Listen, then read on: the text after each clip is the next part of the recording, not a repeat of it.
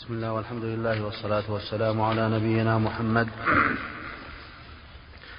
قال الإمام مسلم رحمه قال الإمام مسلم رحمه الله تعالى حدثنا يحيى بن يحيى قال قرأت على مالك عن أبي الزناد عن الأعرج عن أبي هريرة رضي الله عنه أن رسول الله صلى الله عليه وسلم قال لا يقتسم ورثتي دينارا ما تركت بعد نفقة ما تركت ما تركت بعد نفقة نسائي ومؤونة, ومؤونة عاملي فهو صدقة. حدثنا محمد بن يحيى بن أبي عمر المكي قال حدثنا سفيان عن أبي الزناد بهذا الإسناد نحوه. وحدثني ابن أبي خلف قال حدثنا زكريا بن عدي قال أخبرنا ابن المبارك عن يونس عن الزهري عن الأعرج عن أبي هريرة رضي الله عنه عن النبي صلى الله عليه وسلم قال لا نورث ما تركنا صدقة. حدثنا يحيى بن يحيى وابو كامل فضيل بن حسين كلاهما عن سليم. قال يحيى أخبرنا بسم الله الرحمن الرحيم. الحمد لله رب العالمين. والصلاة والسلام على نبينا محمد وعلى آله وصحبه أجمعين. أما بعد هذا الحديث قال عليه الصلاة لا يقتسم ورثي بعد دينارا ما تركت بعد مولة نسائي ونفقة عامي فهو صدقة. هذا من باب الإخبار مثال. وليس من باب النهي. في قوله تعالى فمن يعمل مثقال ذرة خيرا يره. وليس والمعنى أن أنه لا يقتسم ورثة دينارا لأني لا أورث وليس المراد بالنهي لأنه لا يمكن إيراث لا, لا ما يمكن ميراثه عليه الصلاة والسلام. فلذلك لا يقتسم ورثه شيئا. وليس المراد النهي لا تقتسموا دينارا ثم في ثم لهم ثم من فعل ذلك يكون يكون فعل المنهي بل المراد أن هذا لا يمكن ولا يحصل. ونفقة نساء النبي صلى الله عليه وسلم تكون من الغلة ومن الريع من الصدقات هذه. وكذلك العامل يعني العامل على الصدقات والناظر فيها. وقيل هو العامل هو من يقوم مقام النبي صلى الله عليه وسلم من الولاة. نعم. حدثنا يحيى بن يحيى وابو كامل فضيل بن حسين كلاهما عن عن سليم قال يحيى أخبرنا سليم قال يحيى أخبرنا سليم بن أخضر عن عبيد الله بن عمر قال حدثنا نافع عن عبد الله بن عمر رضي الله عنهما أن رسول الله صلى الله عليه وسلم قسم في النفل للفرس سهمين وللرجل سهما. حدثنا النفل والنفل فتح يعني الغنيمة. والأصل النفل أصل النفل ما ينفل ما ينفله قائد الجيش لبعض الرعية لكن هنا الغنيمة. قسم الغنيمة للفرس سهمين وللرجل سهم. يعني فيكون الشخص الذي معه فرس ثلاثة أسهم. وللراجل الذي معه فرس سهم واحد. هذا هو الصواب الذي عليه جمهور العلماء أن الفارس له ثلاثة أسهم. سهمان لفرسه وسهم له. والراجل الذي يمشي على رجليه ليس له إلا سهم واحد. وذهب الإمام أبو حنيفة رحمه الله إلى أن الفارس له سهمان سهم له وسهم لفرسه والراجل له سهم وقال لا أجعل الفارس أكثر من الرجل. وهذا هذا باب الرأي. الصواب أن الفارس له ثلاثة سهمان لفرسه وسهم له. أما الراجل فليس له إلا سهم واحد يعني في قسمة الغنيمة إذا قسمت يعطى الفارس ثلاثة أسهم والراجل الذي يمشي على رجليه سهم واحد. الفارس له تأثير. نعم. وإذا أتى الإنسان بعدد من الأفراس هل يقسم لها؟ الجمهور على أنه لا يقسم إلا لفرس واحد. وقال آخر من أهل العلم يقسم لفرسين وما زاد على ذلك فلا. والصواب أنه لا يقسم إلا لفرس واحد. لو جاء بعدة أفراس ثلاثة أو أربعة ليس له إلا ثلاثة أسهم. نعم. حدثنا ابن نمير قال حدثنا أبي قال حدثنا عبيد الله بهذا هذه الغنيمة أحل الله لهذه الأمة ومن خصائص هذه الأمة كما قال النبي صلى الله عليه وسلم وحلت الغنائم أما الأمم السابقة فلا فلا يقتسمون شيئا ولا يستفيدون من الغنيمة بل يجمعونها في الصعيد ثم تأتي نار فتأكلها. هذا دليل على أن الله قبلها. أما هذه الأمة فأحل الله لها الغنائم يقسمونها ويستفيدون منها. نعم. حدثنا هناد بن السري قال حدثنا ابن مبارك عن عكرمة بن عمار قال حدثني سماك الحنفي قال سمعت ابن عباس رضي الله عنهما يقول حدثني عمر بن الخطاب رضي الله عنه قال لما كان يوم بدر حاء وحدثنا زهير بن حرب اللفظ له قال حدثنا عمر بن يونس الحنفي قال حدثنا إكرمة بن عمار قال حدثنا أبو زميل هو سماك الحنفي قال حدثني عبد الله بن عباس قال حدثني عمر الخطاب عمر بن الخطاب رضي الله عنه قال لما كان يوم بدر نظر رسول الله صلى الله عليه وسلم إلى المشركين وهم ألف وأصحابه ثلاثمائة وتسعة عشر وتسعة عشر رجلا فاستقبل نبي الله صلى الله عليه وسلم القبلة ثم مد يديه فجعل يهتف بربه اللهم انجز لي ما وعدتني اللهم آت ما وعدتني اللهم إن تهلك هذه العصابة من أهل الإسلام لا تعبد في الأرض. وهذا فيه مشروعية الدعاء عند القتال والحرب وأن المسلم يجمع بين عدد العدة والسلاح والتضرع إلى الله والدعاء. وفي مشروعية استقبال القبلة للدعاء وبدء ورفع اليدين كل هذا من أسباب قبول الدعاء. ويتجه القبلة ويتوضأ ويكون على وضوء ويمد يديه ويحضر قلبه. ويلح في الدعاء كل هذا من أسباب إجابة الدعاء وقد فعل النبي صلى الله عليه وسلم ذلك كله. ألح على ربه ورفع يديه واستقبل القبلة قالوا اللهم إن تهلك هذه العصابة أو أن تهلك هذه العصابة وجهان. وفيه أن عدة أصحاب بدر ثلاثمائة وبضعة عشر والبضع من ثلاثة إلى تسعة. قد بلغ البضعة نهايته من ثلاثة إلى تسعة. وعدة أصحاب أهل بدر كعدة أصحاب طالوت الذين جاوزوا النهر وما جاوزه إلا مؤمن ثلاثمائة وبضعة عشر نعم الله عنك انه قال في قوله تعالى وأعدوا لهم ما استطعتم من قوة ترهبون لابد من السلاح أن يكون فيه إرهاب. إيه؟ أما اعداد بس السلاح ولو كان يعني السلاح فيه إرهاب ما في شك. كل سلاح في كل زمان إرهاب. إذا علم العدو ان ان عندهم سلاح صار صار رهبوا من ذلك. والسلاح لابد يكون مناسب للعصر. ما يكفي الآن أنك تأخذ البندقية في الأول تكفي الآن تقدم لا لابد تقابلهم بسلاح صواريخ وقنابل هذا السلاح في هذا في هذا العصر. في العصر الأول يكون يعني السلاح المناسب سيف. ما يكفي يكون معك سيف. يعني يأتيك شيء يمطر عليك من فوق من السماء. فلابد تقابل العدة. بالعدة تقابل السلاح بالسلاح. نعم. وإذا علموا أن معك سلاح مثل سلاحهم رهبوا نعم نعم.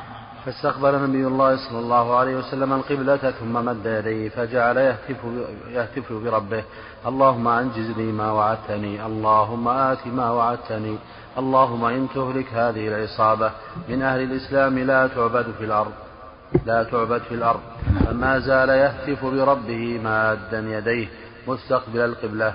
حتى سقط رداؤه عن منكبيه فأتاه أبو بكر فأخذ رداءه فألقاه على منكبيه ثم التزمه من ورائه وقال يا نبي الله كفاك مناشدتك ربك فإنه سينجز لك ما وعدك فأنزل الله عز وجل إذ تستغيثون ربكم فاستجاب لكم أني ممدكم بألف من الملائكة مردفين فأمده الله بالملائكة قال أبو زميل فحدثني ابن عباس قال بينما رجل من المسلمين يومئذ يشتد في أثر رجل من المشركين في أثر رجل من المشركين أمامه إذ سمع ضربة بالصوت فوقه وصوت الفارس يقول أقدم حيزوم فنظر إلى المشرك أمامه فخر مستلقيا فنظر إليه فإذا هو قد خطم أنفه وشق وجهه كضربة الصوت فأخبر, فأخبر ذلك أجمع.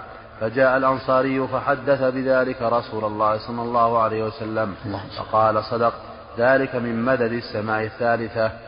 وهذا من نصر الله تعالى لنبيه وعباده المؤمنين. أمدهم الله بالملائكة. مدد أعانهم بالملائكة. أن يمدكم بألف الملائكة مردفين المتتابعين وهذا بشرى من الله لعباده وإلا فالنصر من الله. الله تعالى قادر على أن ينصرهم بغير شيء. غير سبب لكن هذا من البشارة ولهذا قال وما جعله الله إلا بشرى لكم ولتطمئن به قلوبكم وما النصر إلا من عند الله. النصر من عند الله.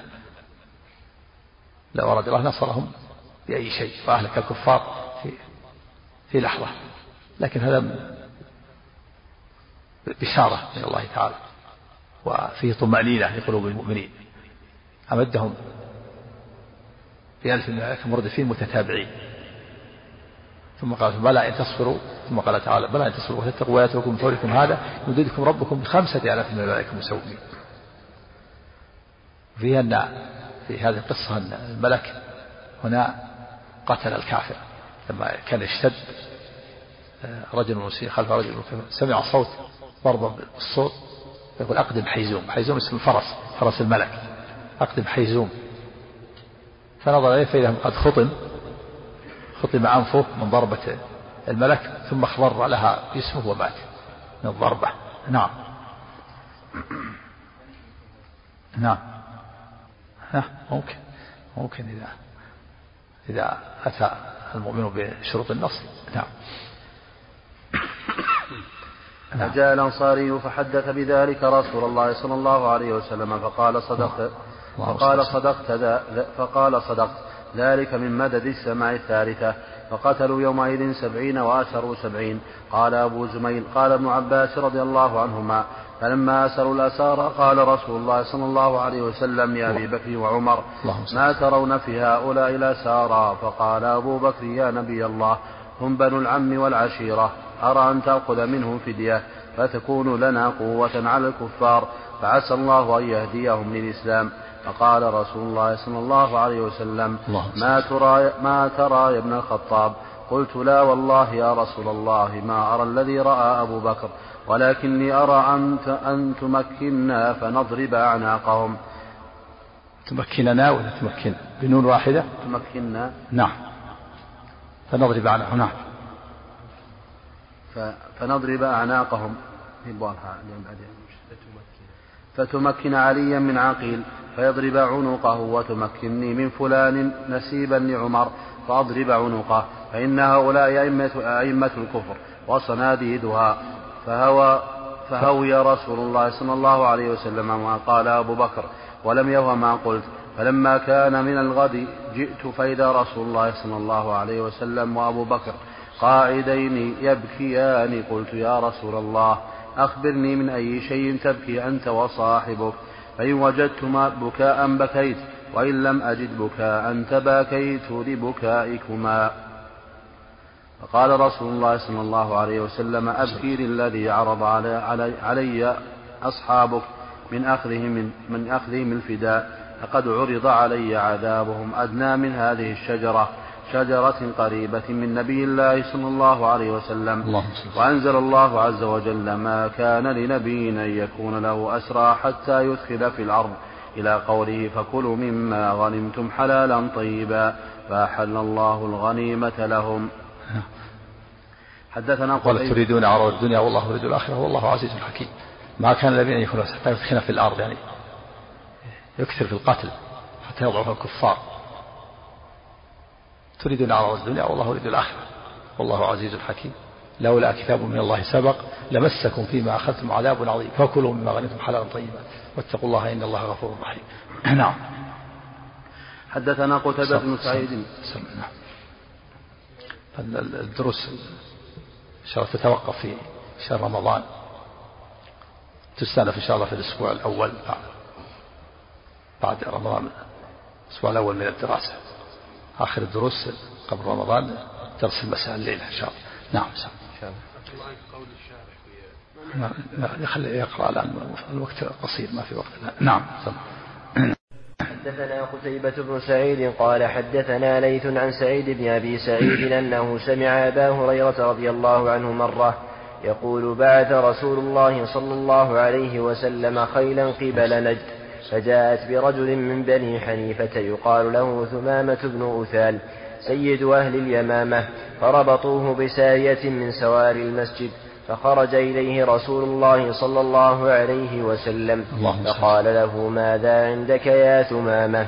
فقال عندي يا محمد خير إن تقتل تقتل ذا دم وإن تنعم تنعم على شاكر وإن كنت تريد المال فسل تعط منه ما شئت. فتركه رسول الله صلى الله عليه وسلم حتى كان بعد الغد. فقال ما عندك يا ثمامة؟ قال ما قلت لك إن ما قلت لك إن تنعم تنعم على شاكر. وإن تقتل تقتل ذا دم. وإن كنت تريد المال فسل تعط منه ما شئت. فتركه رسول الله صلى الله عليه وسلم حتى كان من الغد. فقال ماذا عندك يا ثمامة؟ قال قال فقال ما فقال عندي ما قلت لك إن تنعم تنعم على شاكر وإن تقتل تقتل ذا دم وإن كنت تريد المال فسل تعط منه ما شئت. فقال رسول الله صلى الله عليه وسلم أطلقوا ثمامة. فانطلق إلى نخل قريب من المسجد فاغتسل ثم دخل المسجد فقال أشهد أن لا إله إلا الله وأشهد أن محمدا عبده ورسوله. يا محمد والله ما كان على الأرض وجه أبغض إلي من وجهك فقد أصبح وجهك أحب الوجوه كلها إلي. والله ما كان دين ما كان من دين أبغض إلي من دينك فأصبح دينك أحب الدين كله إلي. والله ما كان من بلد أبغض إلي من بلدك فأصبح, بلد فأصبح بلدك أحب البلاد كلها إلي. وإن خيلك أخذتني وأنا أريد العمرة فماذا ترى؟ فبشره رسول الله صلى الله عليه وسلم وأمره أن يعتمر. فلما قدم مكة قال له قائل أصبوت؟ فقال لا ولكني أسلمت مع رسول الله صلى الله عليه وسلم. ولا والله لا تأتيكم من اليمامة حبة حنطة حتى يأذن فيها رسول الله. صلى الله عليه وسلم. وهذا الحديث فيه جواز ربط الأسير في المسجد ولو كان كافرا.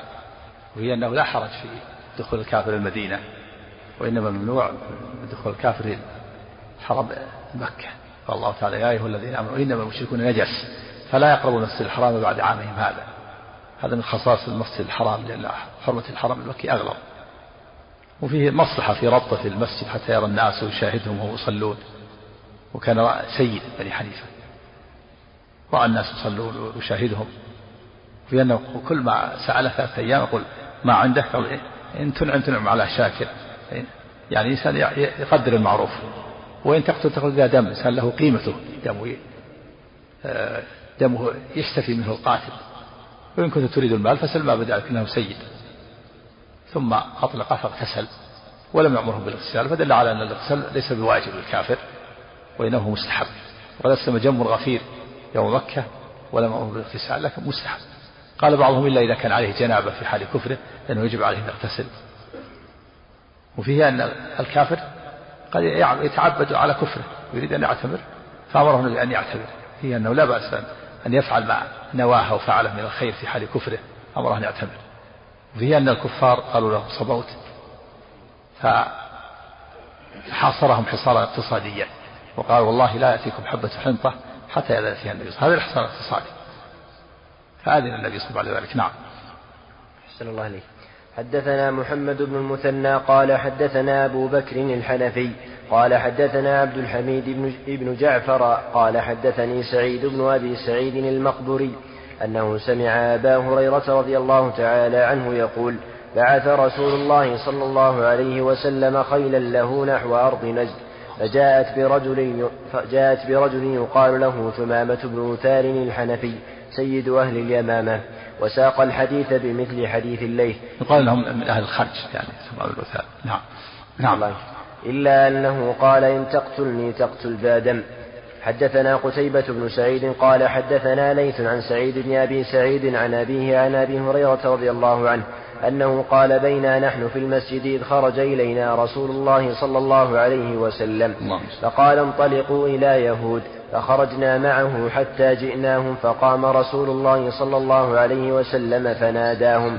فقال يا معشر يهود أسلموا تسلموا أسلموا تسلموا. فقالوا قد بلغت يا أبا القاسم. فقال لهم رسول الله صلى الله عليه وسلم ذلك ذلك أريد. أسلموا تسلموا أسلموا تسلموا. فقالوا قد بلغت يا أبا القاسم. فقال لهم رسول الله صلى الله عليه وسلم ذلك أريد. فقال لهم الثالثة اعلموا أنما الأرض لله ورسوله وإني أريد أن أجليكم من هذه الأرض. أجليكم وإني أريد أن أجليكم من هذه الأرض فمن وجد منكم بماله شيئا فليبعه. وإلا فاعلموا أن الأرض لله ورسوله.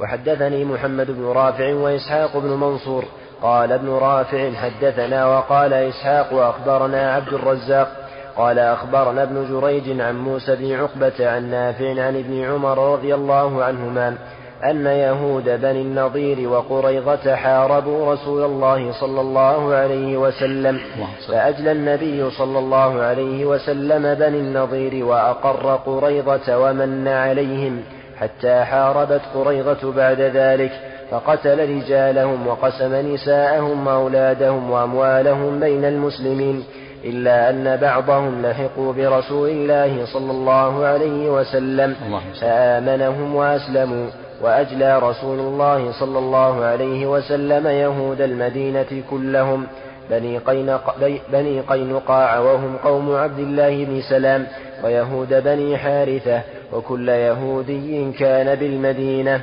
وحدثني أبو الطاهر قال حدثنا عبد الله بن وهب قال أخبرني حفص بن ميسرة عن موسى بهذا الإسناد بهذا الحديث وحديث ابن جريج أتم وأكثر.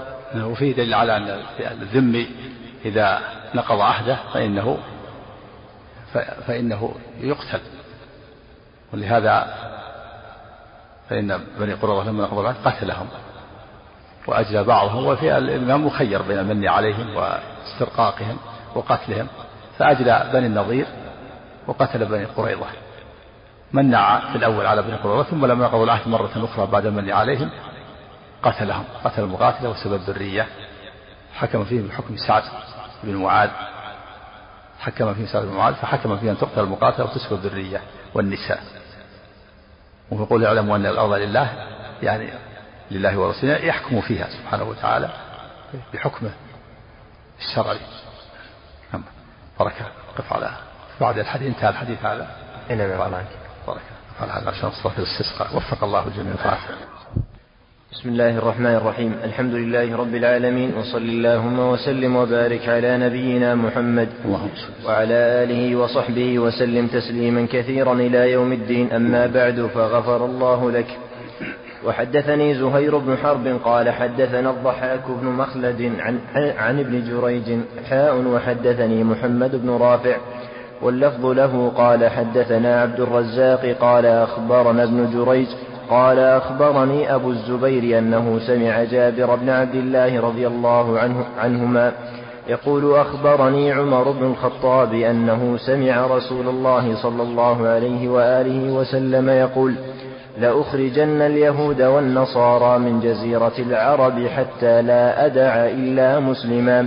وحدثني زهير بن حرب قال حدثني روح بن عبادة قال أخبرنا سفيان الثوري قال أخبرنا سفيان الثوري حاء, حاء وحدثني سلمة بن شبيب قال حدثنا الحسن بن أعين قال حدثنا معقل وهو ابن عبيد الله كلاهما عن أبي الزبير بهذا الإسناد مثله.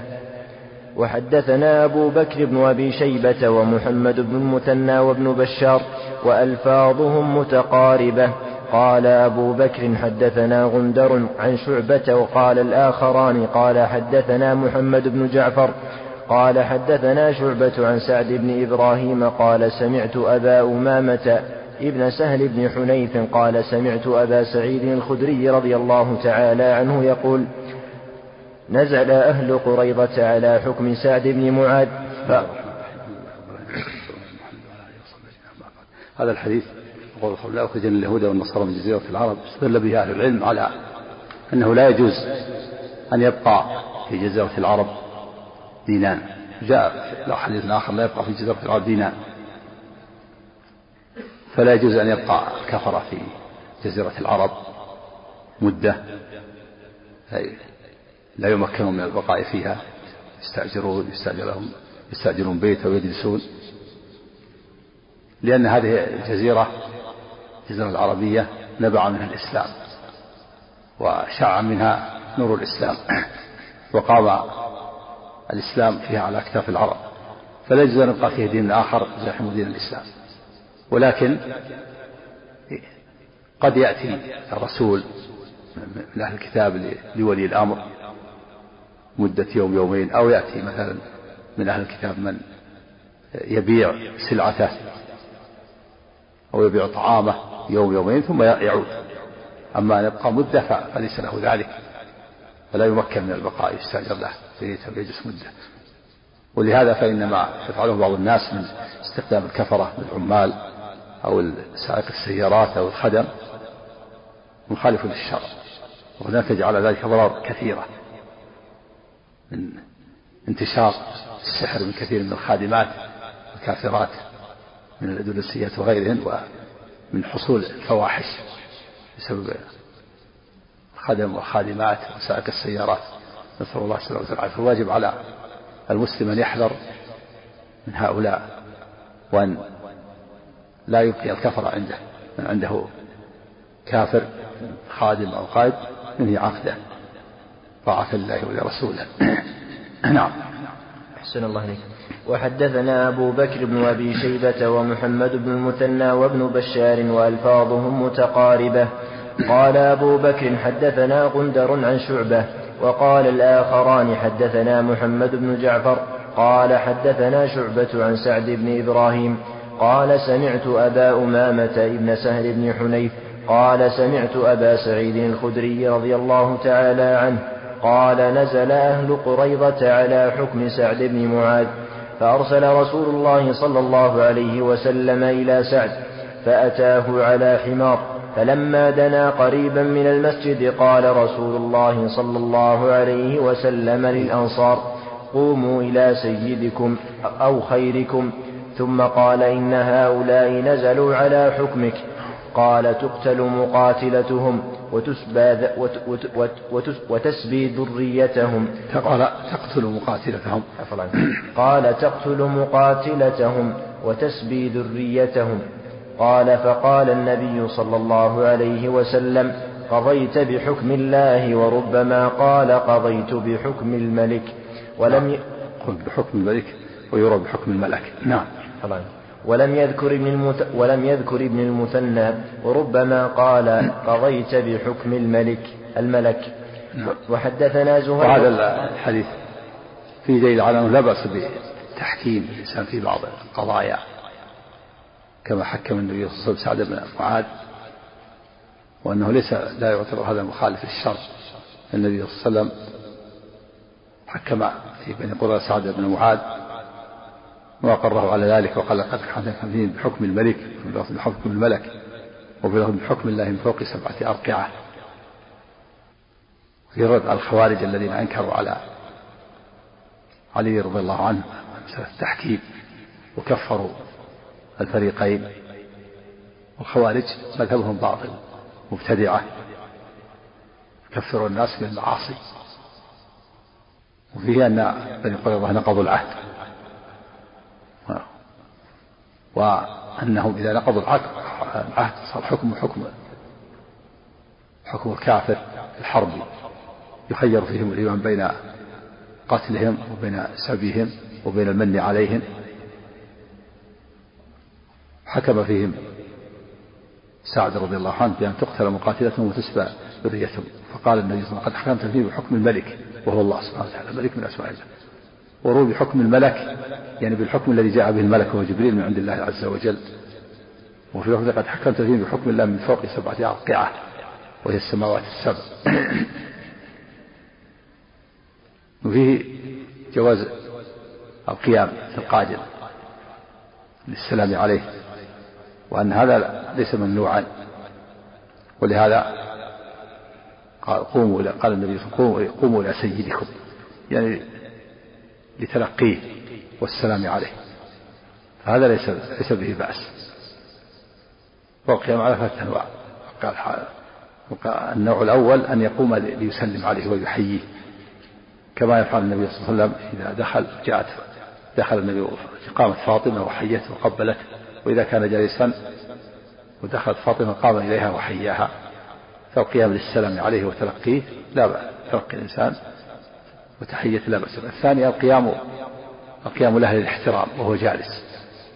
وهذا مكروه كما يفعل بعض الكبراء إذا دخل أحد قام. فإذا جلس جلس. الحالة الثالثة أن يقوم عليه وهو, وهو جالس. هذا هو الممنوع. ولما قام لما قاموا على النبي صلى الله عليه وسلم وهو جالس قال كدتم أن تفعلوا لما صلوا صلى النبي جالس وهم قيام أشار إليهم قال كدتم أن تفعلوا كما تفعل الأعاجم يقومون على رؤوس ملوكهم وهم قعود. واستثنى هذا ما كان للحراسة كما كان كما كان المغيرة بن شعبة في صلح الحديبية واقفا على رأس النبي يحرسه حين وقت صلح الحديبية. ولما مد ومسك يده إليه ضربه بنعل السيف وقال أخر يدك عن لحية رسول الله صلى الله عليه وسلم. نعم. وفيه لا بأس بالسيد بالإضافة يقول سيدكم هو سيدكم سيد بني فلان. والنهي إنما جاء قول فلان السيد. لما قيل ولما قيل أنت سيدنا قال السيد الله تبارك وتعالى سدا للذريعة. فإذا أضيف فلا بأس سيد بني فلان قومون سيدكم. أما السيد هذا هو الذي جاء فيه النهي. تركه أولى نعم. إيه، هذا مكروه. مكروه. نعم. أحسن الله عليك وحدثنا زهير بن حرب قال حدثنا عبد الرحمن بن مهدي عن شعبة بهذا الإسناد وقال في حديثه فقال رسول الله صلى الله عليه وسلم حكمت بحكم الله. وقال مرة لقد حكمت بحكم الملك.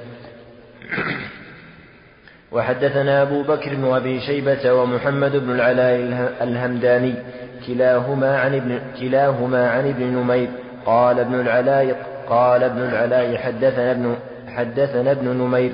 قال حدثنا هشام عن أبيه عن عائشة رضي الله عنها قالت أصيب سعد يوم الخندق.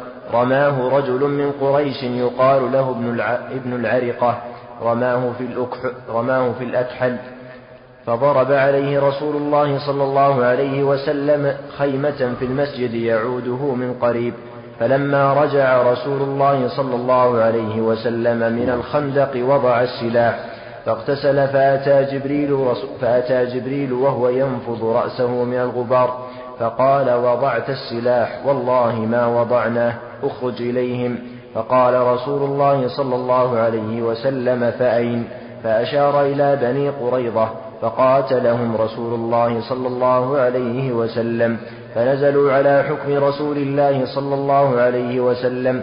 فرد رسول الله صلى الله عليه وسلم الحكم فيهم إلى سعد. قال فإني أحكم فيهم أن تقتل المقاتلة وأن تسبى الذرية والنساء وتقسم أموالهم. وحد ولك عرق عرق في اليد. يقال إنه متصل جميع عروق الجسد إذا قطع مات الإنسان في الحال لا يقع الدم. نعم. عفى الله عنك. وحدثنا أبو كريب قال حدثنا ابن نمير قال حدثنا هشام قال قال أبي فأخبرت أن رسول الله صلى الله عليه وسلم قال لقد حكمت فيهم بحكم الله عز وجل. حدثنا أبو كريب قال حدثنا ابن نمير عن هشام قال أخبرني أبي عن عائشة رضي الله عنها أن سعدا قال وتحجر كلمه للبر فقال اللهم إنك تعلم أن ليس أحد أحب إلي أن أجاهد فيك من قوم كذبوا رسولك صلى الله عليه وسلم وأخرجوه. اللهم. اللهم فإن كان بقي من حرب قريش شيء, شيء فأبقني أجاهدهم فيك. أجاهدهم. أبقي أجاهدهم. جواب الشر جواب الأمر. تأمل تجد. نعم. الله فأبقني أجاهدهم فيك. اللهم فإني أظن أنك قد وضعت الحرب بيننا وبينهم. فإن كنت وضعت الحرب بيننا وبينهم فافجرها واجعل موتي فيها. فانفجرت من لبتها فلم يرعهم وفي المسجد معه خيمة فانفجرت من لبته. فانفجرت من لبته فلم يرعهم وفي المسجد معه خيمة من بني غفار. إلا والدم يسيل إليهم. فقالوا يا أهل الخيمة ما هذا الذي يأتينا من قبلكم؟ فإذا سعد جرحه يغذ دما فمات منها رحمه الله. وحدثنا رضي الله عنه. نعم. قول تحجر كلمه يعني تماسك جرحه ويبس للشفاء. فسأل الله الشهادة إن كان انتهى الحرب بينه وبين قريش. وهذا ليس من تمني الموت وإنما من تمني الشهادة ليس من تمني الموت لكن تمني الشهادة. قبل الله دعاءه استجاب الله دعاءه فانفجر كلمه من لبته وفي لفظ من ليته يعني لصفحة العنق. ومنه في حديث إسرافيل لا يسمع صوت إسرافيل إلا أصغى ليتا ورفع ليتا صفحة العنق. نعم. فانفجر الدم فوصل إلى الخيمة الثانية. نعم. صلى الله عليه وحدثنا علي بن الحسين بن سليمان هو الذي احتج اهتز له عرش الرحمن رضي الله عنه. وكان بينه وبين أسباب الله خمس سنين أو كذا. نعم. إذا كان من أثرها إذا كان من أثرها قريب شيء. نعم. الله وحدثنا علي بن الحسين بن سليمان الكوفي قال حدثنا عبدة عن هشام بهذا الإسناد نحوه. بل حتى حتى اللي يموت وهو خارج في سبيل الله أو راجع. قال الله تعالى ومن يخرج من مهاجرا الله ورسوله ثم يدركه الموت فقد وقع أجره على الله. نعم. وفي قصة الصحابية اللي تمنت الشهادة. قالت ادعو الله أن يجعلني منهم. وقوم يركبون البحر يجاهدون في سبيل الله. قال أنت من الأولين. وعثرت فرسها وماتت وكانت من المجاهدات. رضي الله عنها نعم. نعم. نعم إذا ظاهر أنه تابع الآن. هذا جرحه الآن أصيب في المعركة. نعم. أما إذا طالت المدة نعم. نعم. وحدثني علي بن الحسين بن سليمان الكوفي قال حدثنا عبدة عن هشام بهذا الإسناد نحوه. غير أنه قال فانفجر من ليلته فما زال يسيل حتى مات. وزاد الحديث قال فذاك حين يقول الشاعر ألا يا سعد؟ من ليلته من ليته وذيك قبلها إيش؟ من ليته قبلها فلانك من لبته. من لبته. وفي رواية من ليته أو ذكرها الشارع وفي رواية من ليلته. نعم. نعم. فذاك حين يقول الشاعر ألا يا سعد بني معاذ فما, فعل فما فعلت قريضة والنظير. لعمرك إن سعد بني معاذ غدا تتحمل له الصبور. تركتم قدركم لا شيء فيها وقدر القوم حامية تفور. وقد قال الكريم أبو حباب أقيموا قينقاع ولا تسيروا. وقد كانوا ببلدتهم ثقالا كما ثقلت بميطان الصخور. نعم الشاعر يعيب على سعد بن معاذ أنه حكم فيه بالقتل بينما أبو الحباب وهو عبد الله بن أبي طلب من النبي صلى الله عليه وسلم أن يعفو عن بني النظير فعفى عنهم. يقول يعني ينبغي أن يعفو عن حلفائه يسأل لهم العفو. الكريم أبو حباب عفا. نعم سم. الرحمن كم وحدثني عبد الله بن محمد بن أسماء الضب الضب الضبعي. قال حدثنا جويرية بن أسماء عن نافع عن عبد الله قال نادى فينا رسول الله صلى الله عليه وسلم يوم انصرف عن الأحزاب. قال حدثنا جويرية بن أسماء عن نافع عن عبد الله قال نادى فينا رسول الله صلى الله عليه وسلم يوم انصرف عن الأحزاب ألا يصلين أحد الظهر إلا في بني قريظة. فتخوف ناس فتخوف ناس فوت الوقت فصلوا دون فصلوا دون بني قريظة. وقال آخرون لا نصلي إلا حيث أمرنا رسول الله صلى الله عليه وسلم. وإن فاتنا الوقت قال فما عنف واحدا من الفريقين. وحدثني لأنهم مجتهدون ما عنف أحد من الفريقين. فيه في هذا الحديث النبي قال لا يصلي أحد الظهر إلا في بني قريظة. في البخاري صحيح البخاري من حديث ابن عمر لا يصلي لنا أحد العصر إلا في بني قريظة. هنا لا يصلي لنا الظهر. جمع بينهما بأن لأن النبي صلى الله عليه وسلم قال ذلك بعد أن صلى الظهر وصلى معه ناس من الظهر ولم يصلي. فقال الذين لم يصلوا الظهر لا يصلي أحد الظهر إلا في بني قريظة. وقال الذين صلوا و وقال الذين صلوا الظهر لا يصلي أحد العصر إلا في بني قريظة. وقيل إنه قال للفريقين. المقصود أن أنه قال لا يصلي أحد الظهر إلا في بني قريظة للذين لم يصلوا الظهر. والذين صلوا الظهر قال لهم لا يصلي أحد العصر إلا في بني قريظة فأدركتهم الصلاة في الطريق. فاجتهدوا. فمنهم من صلى في الطريق وقالوا إن لا نؤخر الوقت عندنا الأدلة الأخرى التي فيها تحديد الأوقات والرسول صلى الله عليه وسلم ما أراد أن يؤخر الوقت وإنما أراد الحث على الإسراع وقد أسرعنا.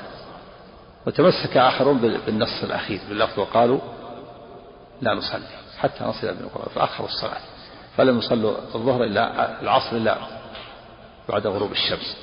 فلم يعنف أحدا من الفريقين. لأنهم مجتهدون. هؤلاء اجتهدوا وهؤلاء اجتهدوا. هؤلاء اجتهدوا. قال ابن القيم رحمه الله إن الذين صلوا في أثناء الطريق هؤلاء تفقهوا في النصوص تأملوا المعاني وجمعوا بين النصوص فهم أهل السلف والقياس سلفهم الجمهور جمهور العلماء السلف. والذين صلوا آه، والذين أخروا الصلاة ولم يصلوا هؤلاء تمسكوا بالظاهر فهم سلف أهل الظاهر. حتى إن ابن حزم يقول لو كنت معهم لم أصلي بعد غروب الشمس. يعني فهؤلاء سلف أهل المعاني والقياس وهؤلاء سلف أهل الظاهر. نعم. وحدثني أبو الطاهر وحملة قال أخبرنا قال أخبرنا ابن وهب قال أخبرني يونس عن ابن شهاب عن أنس بن مالك رضي الله عنه قال لما قدم المهاجرون من مكة من مكة المدينة لما قدم المهاجرون من مكة المدينة قدموا وليس بأيديهم شيء وكان الأنصار أهل الأرض والعقار فقاسمهم الأنصار على أن يعطوهم منصاف ثمار أموالهم كل عام نعم على أن يعطوهم. فقاسمهم الأنصار.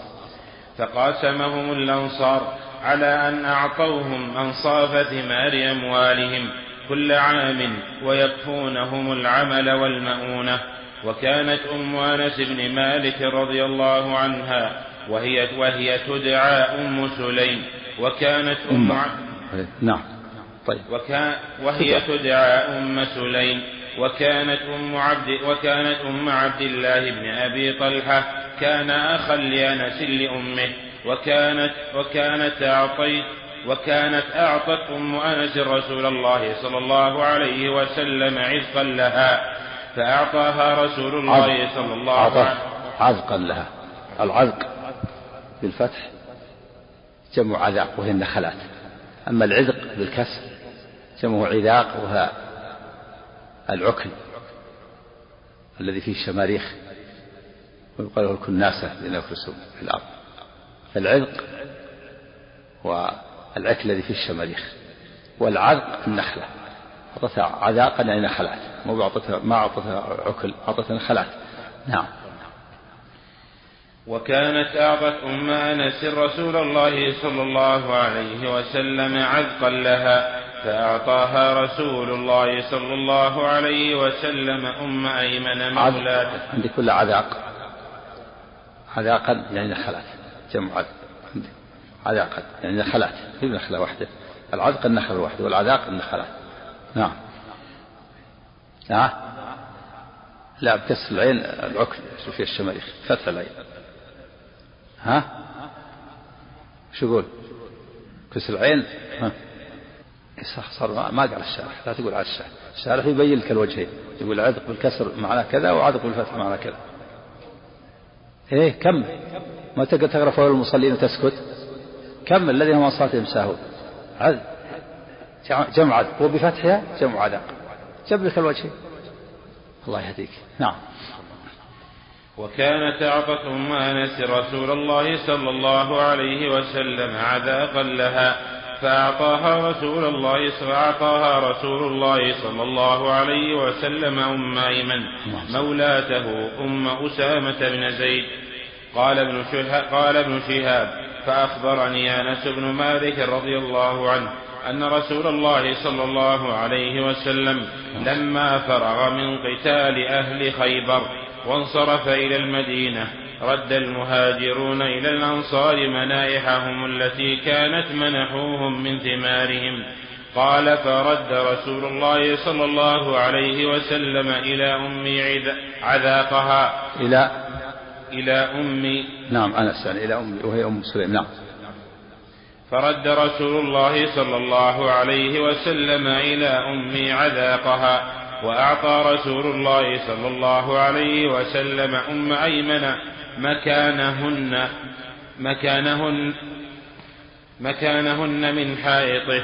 قال ابن شهاب وكان من شأن أم أيمن أم أسامة بن زيد أنها كانت وصيفة لعبد الله بن عبد المطلب وكانت وكانت من الحبشة. وصيفة لعبد الله.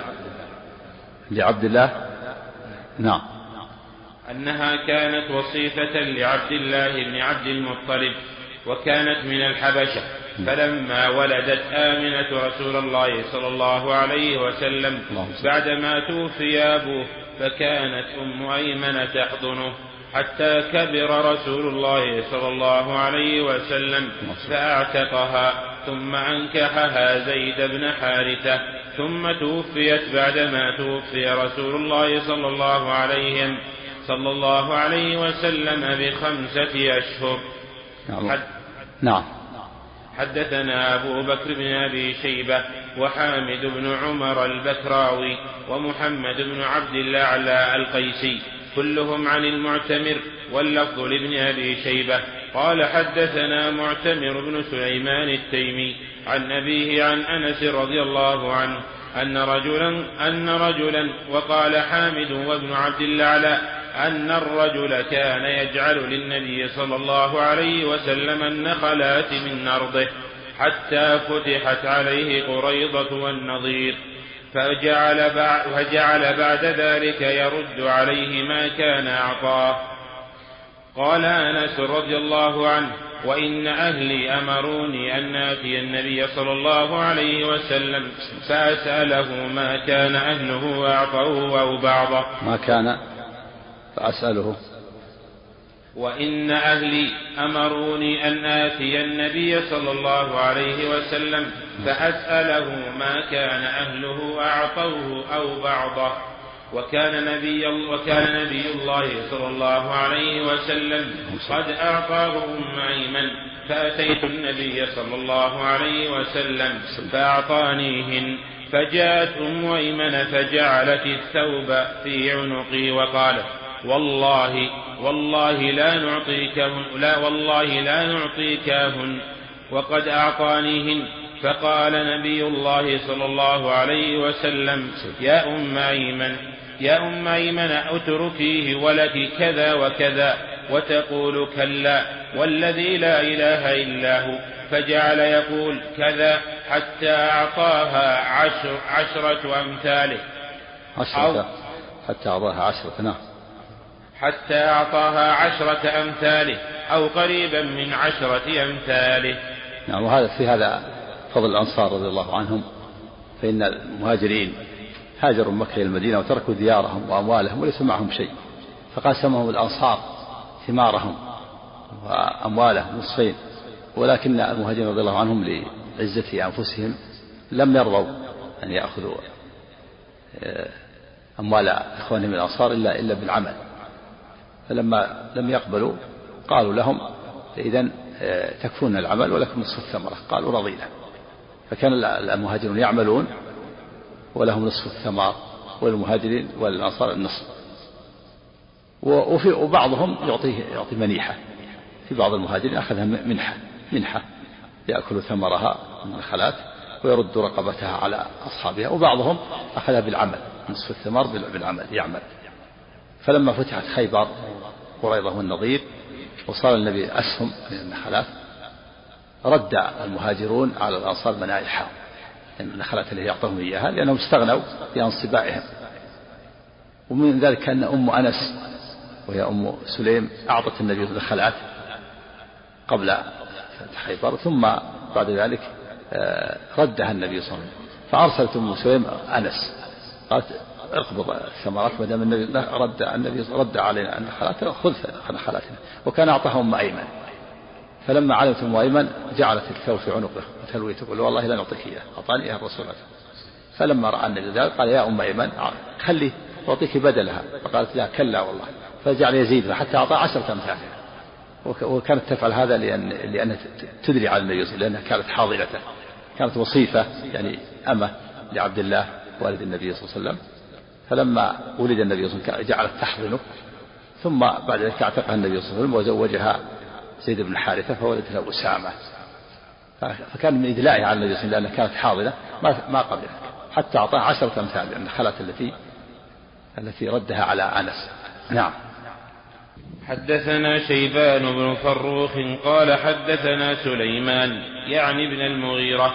حدثنا حميد بن هلال. عن عبد الله بن مغفر قال أصبت جرابا من شحم يوم خيبر فقال فالتزمته فقلت لا أعطي اليوم أحدا من هذا شيئا.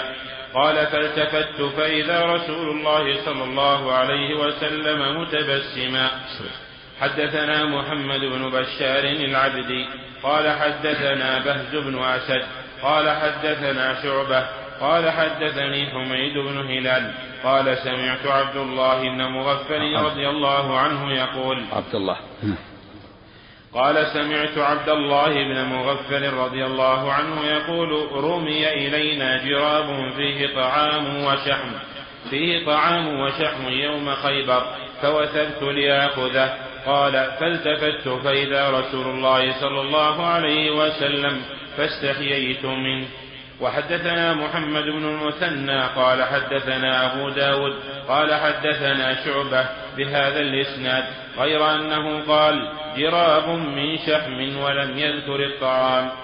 قال حدثنا إسحاق بن إبراهيم الحنظلي. بركة هذا الحديث فيه فيه دليل على أنه لا بأس بأكل الطعام قبل قسمة الغنيمة الطعام الحاضر. ولهذا فإن النبي صلى الله عليه وسلم أقر عبد الله بن مغفل رآه مبتسما ولم ينكر عليه. جراب فيه لما رمي عليه بالجراب فيه شحم. قد يكون محتاج الطعام الذي يؤكل. أما أن يأخذ شيء من الغنيمة فهذا ممنوع. لكن الطعام الحاضر الطعام المطبوخ أو الشيء الجاهز قد يحتاجه الجيش. وفي دليل على ينبغي التحرز من الكفرة.